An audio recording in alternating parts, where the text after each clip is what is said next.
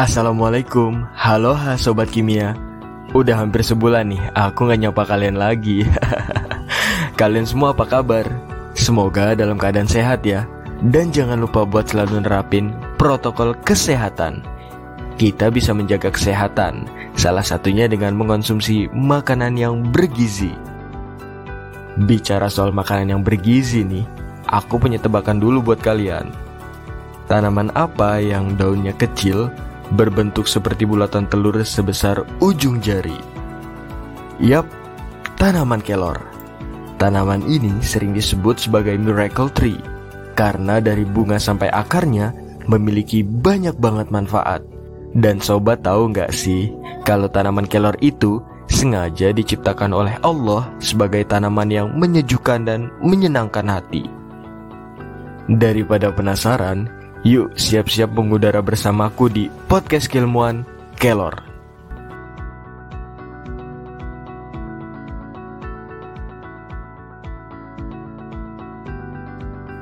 Tanaman kelor atau dalam bahasa latinnya dikenal sebagai Moringa oliviera lamp mempunyai manfaat yang sangat banyak. Moringa oliviera lamp ini merupakan tanaman asli India Utara dan saat ini tersebar di seluruh wilayah Asia Tenggara termasuk Indonesia.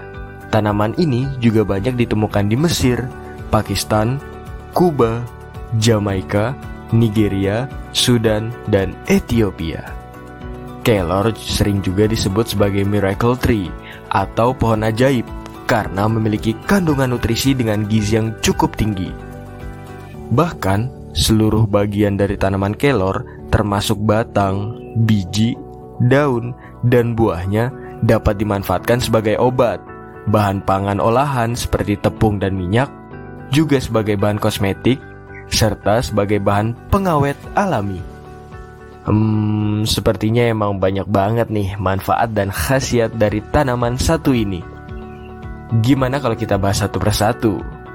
Pertama, kelor sebagai salah satu jenis tanaman obat yang diakui oleh dunia medis. Dunia kesehatan telah menggunakan daun kelor menjadi salah satu bahan obat-obatan.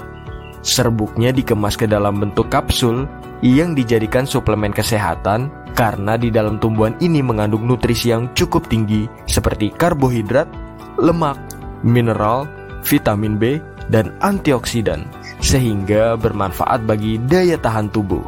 Kedua, kandungan gizi yang begitu lengkap.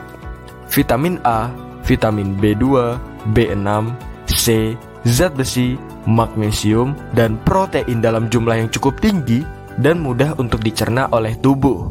Bukan itu aja, lebih dari 40 antioksidan serta mineral penting dan menjadi sumber protein yang berkhasiat. Ketiga, kelor juga digunakan di dalam dunia kecantikan. Antioksidan yang dikandungnya dapat menjaga kulit dari radikal bebas, sehingga kulit terjaga dan tetap segar, bersih, dan berkilau alami. Juga terdapat kandungan vitamin C untuk dapat menghilangkan flek hitam pada wajah.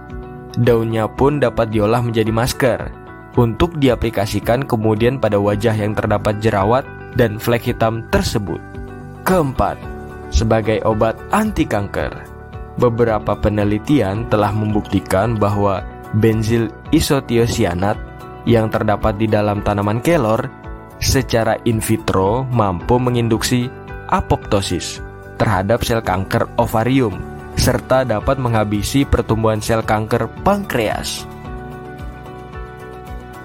Sebagai contoh di negara Senegal, yaitu salah satu negara di benua Afrika, memanfaatkan kelor untuk mengatasi berbagai masalah kesehatan, seperti gizi buruk, anemia, beri-beri, termasuk bayi yang mempunyai berat badan kurang untuk mengkonsumsi daun kelor. Dan hasilnya nyata, sehingga masalah gizi buruk dapat teratasi. Selain berbagai manfaat tumbuhan kelor yang udah aku jelasin barusan, ternyata kelor juga telah disebutkan di dalam Al-Quran pada surat Al-Fat ayat ke-29. Daun kelor dideskripsikan sebagai tanaman yang menyejukkan dan menyenangkan hati. Ciri-ciri tumbuhan kelor yang sejuk ini disebutkan sebagai tanaman yang sengaja diciptakan oleh Allah Subhanahu wa taala untuk menjengkelkan hati orang-orang kafir dan mendeduhkan hati orang-orang beriman. Allah telah menciptakan bentuk tumbuhan kelor dengan begitu sempurnanya. Masya Allah. Oh iya, aku juga pengen ngasih tips nih buat kalian yang suka perawatan wajah. Kalian bisa menggunakan daun kelor untuk membuat masker organik sendiri loh. Pertama, ambil daun kelor yang telah dikeringkan dan dihaluskan sehingga menjadi bubuk.